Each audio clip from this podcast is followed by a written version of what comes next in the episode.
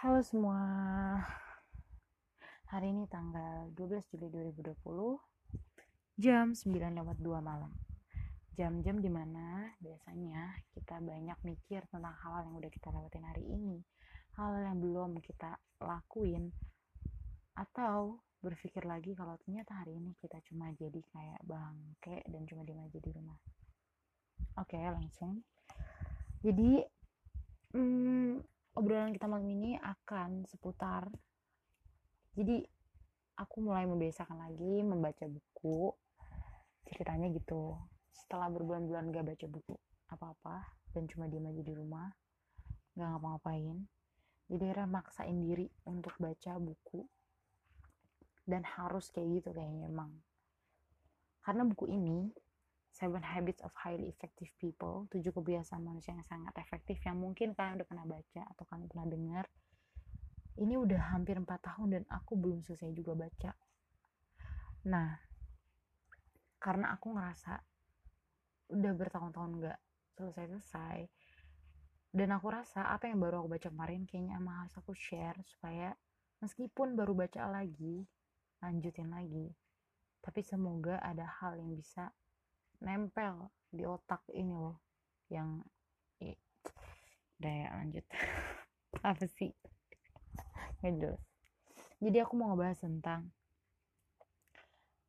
kita ini harus menjadi orang yang reaktif atau proaktif atau kedua-duanya.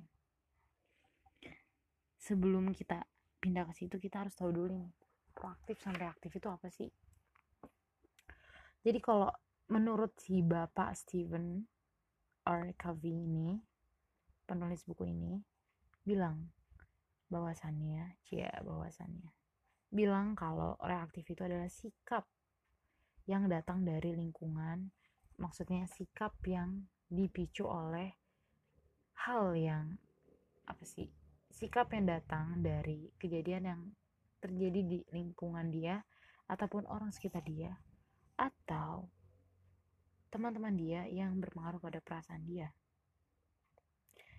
Kalau proaktif, proaktif itu sendiri adalah sikap yang datang dari kehendak diri yang digerakkan oleh nilai-nilai. Bingung kan, bingung kan? Jadi gini-gini, contohnya, contoh kecilnya kayak gini. Misal nih, misalnya kamu, nih, misalnya kamu nih udah habis lockdown nih, sebulan setengah di rumah doang nggak ngapa-ngapain. Makan yang disediain mamak di dapur. Sebenarnya dari tiga minggu yang lalu pengen banget main makan seblak. Seblak situ tuh abang yang depan gang itu. Tapi karena berhubung dia nggak jualan dan kamu juga terlalu mager untuk jalan keluar plus dihimbau oleh orang tua untuk tidak keluar rumah alhasil keinginan itu pun tertahan sampai pada masa kamu sekarang udah masuk kota kamu nih ceritanya. Udah masuk new normal. Udah mau jalan nih duit udah ada di kantong kan 12 ribu gitu. Tiba-tiba pas udah mau jalan nih udah pakai sandal jepit hujan deres. Respon kamu kayak gimana? Respon kita lah jangan kamu ya. Kayak kesannya ini banget gitu. Bener gitu kan. Biasanya respon kita kayak gimana sih kayak gini nggak? Ya elah hujan lagi ribet banget sih. Udah menunggu sebulan setengah masih aja. Mau jalan hujan segala. Kayak gitu atau ya udah kamu langsung ambil payung jalan menembus hujan. Tidak peduli apa pun yang terjadi hujan badai kamu tembus demi makan sebelah kesayangan. Kira-kira kamu bakal bukan kamu ya kita bakal pilih yang mana Nah, kalau misalnya kita ngedumel kayak pertama, ini udah ketahuan nih clue-nya kayaknya ya. clue bakal dipilih yang mana. Itu adalah salah satu contoh dari sikap reaktif. Waktu kita bilang, ah pakai hujan segala lagi udah gitu. Itu adalah sikap reaktif. Sikap yang datang dari apa yang terjadi pada lingkungan, orang-orang sekitar, teman yang berdampak pada perasaan dan dilakukan spontan saat itu juga. kalau yang kedua tadi ya udah tau lah. Berarti itu itu adalah sikap proaktif kan. Ya udah bodo amat mau hujan kayak mau badai mau petir. Yang penting gue gitu kan mau makan seblak abang kiwil misalnya kayak gitu. Ambil payung gak ada payung ambil jas hujan. Pakai boot sekalian kalau banjir naik motor nggak ada motor naik sepeda nggak ada naik kaki gitu kan. Iya kan? Ini ada notif lagi. Oke lanjut ya. Sebenarnya otak kita itu bekerja kayak gini. Iya emang emang yang bagus itu kita jadi orang proaktif gitu. Iya kan? Nggak ada gunanya untuk yang namanya ngeluh. Tapi in fact dalam keseharian kita kita tuh nggak tahu sih kita atau mungkin aku doang sebenarnya aku sendiri pas baca itu kayak kayaknya emang aku seringnya kayak gitu. Ketika ada hal yang terjadi sama hari aku hidup aku automatically gitu aku ngambil keputusan atau mengerjakan hal berdasarkan apa yang aku rasa saat itu gitu apa yang dan aku spontan kayak gitu. Oh ya aku jadi ingat tiba-tiba nih dua minggu yang lalu sampai dua minggu yang lalu dari tiga bulan yang lalu sampai sekitar dua minggu yang lalu berarti sekitar dua setengah bulan. Aku tuh kayak selalu entah ini efek dari corona atau gimana ya aku tuh hampir selalu yang namanya melakukan hal itu berdasarkan apa yang aku rasakan dan pikirkan saat itu. Jadi aku nggak berpikir dulu menunda kayak misalnya 10 menit no. Aku langsung kayak apa yang aku rasain? Aku kerjain aku omongin kayak gitu kayak oh my god kayak pas aku baca lagi nih buku dari empat tahun yang lalu. Aku langsung ngerasa kayak waduh sumpah aku udah jadi orang reaktif banget kayak gitu. Nah sebenarnya sebenarnya kalau kita mau bertanya lagi nih kenapa sih kita terus jadi orang proaktif? Kayak mungkin ada mungkin pertanyaan lagi nih kayak yaudah sih terserah orang orang mau jadi proaktif mau reaktif kayak lu ribet banget gitu kan ya itu that's a choice kamu jadi orang proaktif atau reaktif ya itu kan hidup dia gitu. Ya udah kalau kayak gitu selesai gitu urusan. Tapi gini jadi si bapak Steven ini tuh mengatakan kalau hal yang membedakan kita dengan hewan hewan coba nih hewan membedakan manusia dengan hewan itu adalah sikap proaktif. What kayak terus maksudnya aku udah selama dua bulan setengah gak ada bedanya dong sama hewan gitu kan. Iya kenapa kenapa? Nah akhirnya aku baca lagi nih lanjut lagi nih ke lembar setelahnya gitu. Kenapa manusia bisa dibilang beda dengan hewan? Karena sikap proaktif. Jadi pada dasarnya uh, di zaman pertengahan abad pertengahan kayak gitulah ya. Mungkin tahun 1900 1800-an abad pertengahan tuh ya sekitar tahun segitulah you know. Nggak tahu juga saya. Mereka tuh percaya ada istilahnya kepribadian atau uh, pembawaan seseorang itu di dipengaruhi oleh salah satu dari tiga. Yang pertama itu pengaruh dari faktor genetik jadi keturunan. Kalau misalnya kayak misalnya keturunan itu contohnya kayak misalnya orang itu pemarah orang tuanya. Anaknya juga pemarah. Atau orang tuanya baik tapi anaknya pemarah banget atau misalnya anaknya baperan gitu oh ternyata buyutnya kayak gitu gitu jadi teori du zaman dulu mengatakan kalau misalnya salah satu dari pengaruh kepribadian atau sikap seseorang di setiap harinya itu dipengaruhi oleh yang pertama genetik, yang kedua karena determinan, maksudnya ketergantungan oleh lingkungan. Jadi lingkungan yang membentuk dia kayak gimana gitu-gitu. Terus yang ketiga apa namanya dipengaruhi oleh cara didik kayak gitu. Jadi kayak lingkungan mempengaruhi ya kan? Kayak dia bergaul sama siapa kayak gitu dan yang ketiga adalah cara didik dari orang tua itu. Misalnya orang tua pemarah tapi cara didiknya benar. Bisa aja mem, apa ya membentuk anak tuh yang benar kayak gitu.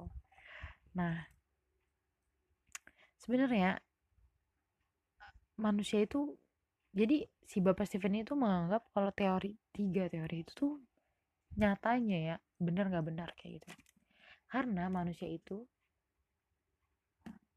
punya struktur sama aja sih otaknya beda beda struktur ya namanya beda beda makhluk beda jenis beda kingdom beda spesies ya berbeda juga kayak strukturnya. Tapi manusia itu cara kerja otaknya itu berbeda gitu dengan hewan. Jadi gini kalau misalnya ada suatu kejadian gambarannya gini kamu bayangin ada suatu kotak tulisannya stimulus. Stimulus itu kayak hal yang menggerakkan atau merangsang. Atau apa sih? Stimulus stimulus tahu kan stimulus? Kok jadi bingung ya? Oh good. Jadi kotak pertama sebelah kiri adalah stimulus. Terus kita kasih panah ke kanan kotak sebelahnya adalah respon. Itu adalah res uh, apa ya itu adalah langkah atau um, alur dari gerak atau dari cara kerja otak uh, hewan atau mungkin manusia juga ketika dia tidak memaksimalkan potensinya gitu. Jadi ketika ada suatu hal yang terjadi di lingkungan dia atau ada respon dari orang-orang yang kayak gimana ke dia atau um, cara bicara orang atau gimana pada dia, respon dia akan sesuai dengan stimulus itu. Misal ada orang, contohnya ada cerita gini, ada orang dia selalu disiksa sama orang tuanya waktu kecil. Kayak kita kadang sekarang bukan kita sih aku punya temen gitu yang dia tuh had a very bad hmm, apa ya ya intinya pengalaman yang buruk lah tentang masa kecil dan dia merasa dia harus melakukan itu juga gitu. Sama pelakuannya sama gitu karena entah kenapa gitu karena itu tuh sebagai apa ya implikasi dari stimulus yang diberikan. Makanya dia juga harus memberikan respon seperti itu kayak gitu. Otomatis aja kayak tadi stimulus respon. Hujan jadi responnya nggak jadi jalan kayak gitu ya nggak? Sama aja kayak hewan. Mau cari mangsa ada singa mau cari mangsa. Dia mau keluar nih dari guanya kayak atau dari bawah pohonnya rindang tempat dia tidur tiduran ada rusa di sana dia ngeliat tapi hujan.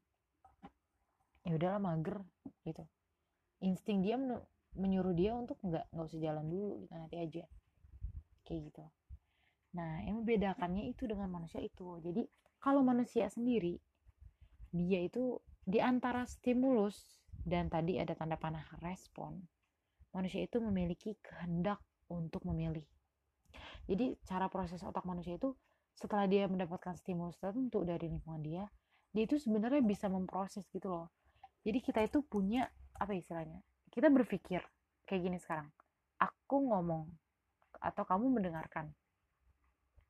Ketika kita kamu mendengarkan apa yang aku sampaikan ini otak kamu itu gak langsung merespon uh, apa yang aku omongin langsung kayak respon oh iya langsung iya. Enggak. Tapi manusia itu punya uh, kehendak untuk memilih apakah omongan yang aku sampaikan ini mau kamu terima atau enggak. Kamu bisa memilih dan membandingkan itu dengan pengetahuan yang udah kamu miliki sebelumnya. Entah misalnya kamu merasa apa yang aku omongin itu nggak jelas nih orang kayak gitu. Ini si Mile kayak nggak um, penting banget omongannya atau nggak sesuai nih sama teori yang gue pernah pelajarin misalnya kayak gitu. Udah udah udah. Jadi kan kamu bisa memilih responnya entah itu lanjutin deh. Misalnya lanjutin deh kita dengerin aja nih omongan gak penting ini gitu. Atau misalnya oh, udah gue matiin aja um, podcastnya atau ganti ke podcast yang lain. Itulah manusia gitu. Jadi manusia itu setelah ada stimulus atau hal yang menggerakkan dia dia itu bisa memilih respon apa yang mau dia uh, ambil berdasarkan entah intuisi dia insting dia pengalaman dia ilmu pengetahuan dia dan kemudian barulah dia merespon. Jadi seperti itu. Makanya pada dasarnya si Pak Steven ini mempercayai kalau manusia itu seharusnya menjadi seseorang yang proaktif. Mau bagaimanapun harus menjadi seseorang yang proaktif kayak gitu. Supaya beda dong sama hewan ya enggak kayak gitu. Sampai sini paham kan? Atau enggak ya udahlah lanjut ya pokoknya intinya sih perilaku kita adalah produk. Jadi perilaku manusia itu yang proaktif ya adalah produk dari keputusan kita yang digerakkan oleh nilai-nilai bukan oleh kondisi. Paham kan?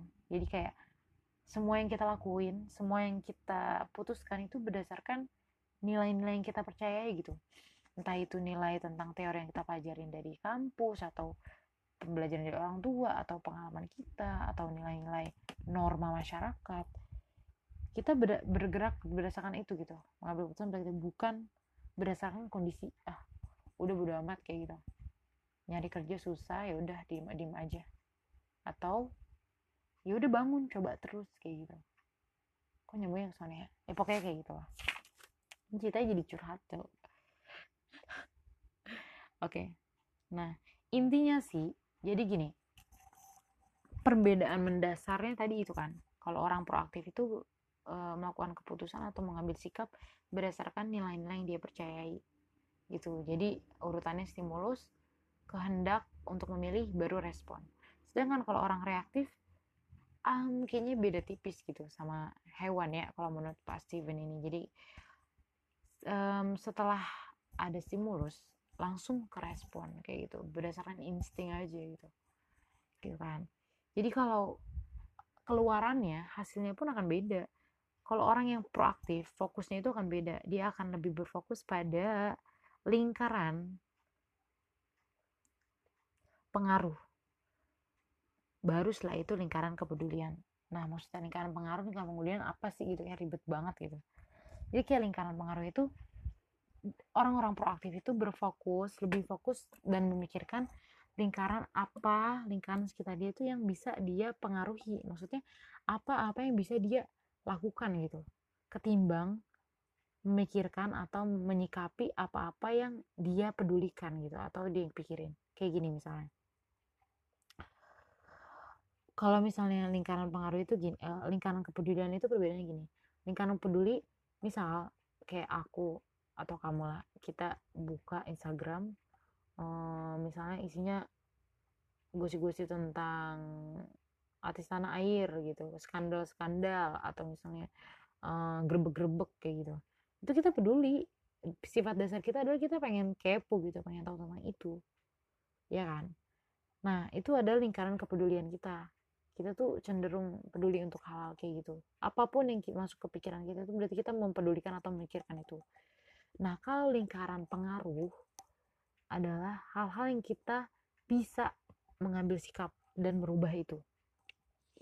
Contohnya nih yang tadi kita ngelihat uh, akun-akun gosip tentang skandal para artis gitu atau misalnya um, kekayaan atau mobil baru artis-artis gitu misalnya kayak gitu ya.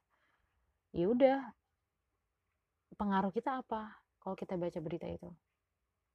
Kita bisa merubah itu enggak atau ada hal yang bisa kita ambil nggak dari situ atau enggak ada manfaatnya ada nggak atau kayak gimana kayak gitu jadi orang proaktif akan lebih berfokus pada pengaruh. Kalau misalnya itu hal yang tidak memberikan pengaruh atau tidak bisa dia berikan pengaruh, maksudnya dia tidak bisa ikut andil dalam hal itu, untuk apa gitu? Gak ada korelasinya antara lingkaran kepedulian ke pengaruh. Jadi orang proaktif itu akan lebih fokus pada apa yang bisa dia lakukan. Ya udah, itu artis ya udah. Sekarang dia punya mobil baru atau dia uh, kontennya tentang mobil baru. Ya udah, sekarang gimana nih? Uh, aku belum punya mobil. Jadi sekarang harus nyari kerja nyari duit kumpulin duit demi bisa seenggaknya punya mobil atau seenggaknya buat ongkos naik angkot ya nggak? Kayak gitu. Jadi kayak ngerasain naik mobil lah gitu kayak gitu peduli pada hal-hal yang berkaitan dengan pengaruh atau hal yang bisa dia lakukan ketimbang apa yang dia pedulikan atau dia mau pikirin kayak gitu. Sedangkan kalau orang yang reaktif lingkaran kepeduliannya atau lingkaran peduli pada hal-hal lainnya itu lebih besar daripada lingkaran pengaruh. Jadi ketimbang mikirin apa yang bisa gue lakuin nih? Gitu. Um, apa yang apa ya yang harus gue rubah? Kayak gitu tapi malah lebih fokus pada kelemahan orang lain terus masalah-masalah ada di lingkungan yang akhirnya malah membuat ya otomatis orang reaktif ini lebih banyak untuk mengkritik atau mengeluh ketimbang melakukan sesuatu untuk merubah itu kayak gitu. Nah, aku ngerasa hal, hal kayak ini tuh kenapa penting banget. Aku jadi kayak agak-agak bersyukur, bukan agak sih emang harus bersyukur ya. Kenapa uh, aku mulai baca lagi, maksain diri untuk baca ini dan ini kayak relate. Menurut aku sih relate banget sama keadaan sekarang. Contoh kayak kita ngerasa aku sih ya aku lah kita mungkin banyak orang juga ngerasa adanya corona kayak sekarang ini ngerasa terhambat banyak hal gitu gak bisa ngelakuin apa-apa nyari kerja juga susah banget kan orang-orang juga banyak yang di PHK kayak gitu what can I do with that kayak gitu kan gak ada tapi ketimbang kita berfokus pada hal yang kita tidak mampu apa ya di luar dari kendali kita gitu istilahnya kenapa nggak kita coba rubah apa kita rubah atau kita lakukan apa yang bisa kita lakuin kayak gitu jadi ada istilahnya tuh kayak gini. Bukan apa yang orang lain perbuat atau bahkan bukan pula kesalahan kita sendiri yang paling melukai kita. Tetapi respon kita terhadap hal-hal tersebut.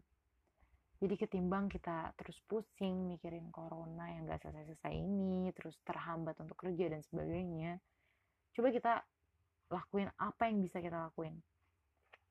Misalnya, dimulai dari hal kecil lah kalau misalnya biasanya kemarin nontonin YouTube mulu everyday like 15 hours nonstop YouTube gitu nonton konten apa pun random kayak gitu coba sekarang dimulai ganti habitsnya ke misal dengan podcast gue gitu. Kagak nggak misalnya dengan switch dari 15 jam itu nonton YouTube 5 jamnya misalnya baca buku misal kayak gitu buku yang bagus. Terus satu jamnya misalnya buat olahraga kayak gitu. Jadi berfokus pada hal-hal yang bisa kita rubah jadi kita manfaatkan gitu ketimbang kita harus terus menerus uh, merasa sebagai victim yaitu victim korban dan tidak merasa tidak berdaya.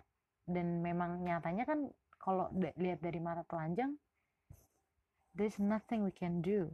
Nggak ada yang bisa kita lakuin untuk merubah corona ini nggak bisa. Yang bisa kita lakuin adalah untuk merubah apa yang selama ini belum pernah atau belum sempat kita rubah dari diri kita ya kok tiba-tiba jadi kayak ini ya mantep gitu ya.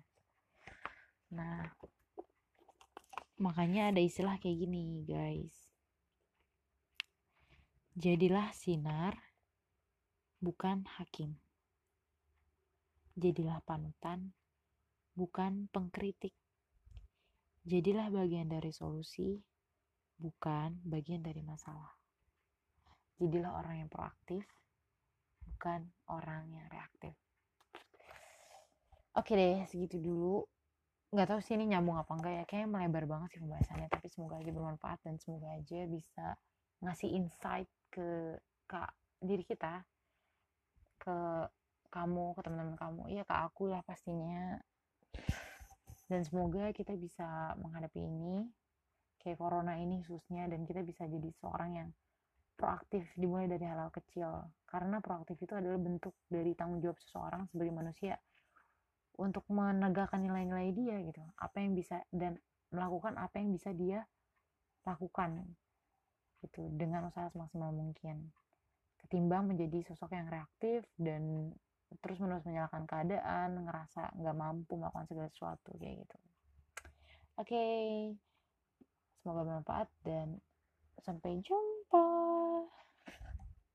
assalamualaikum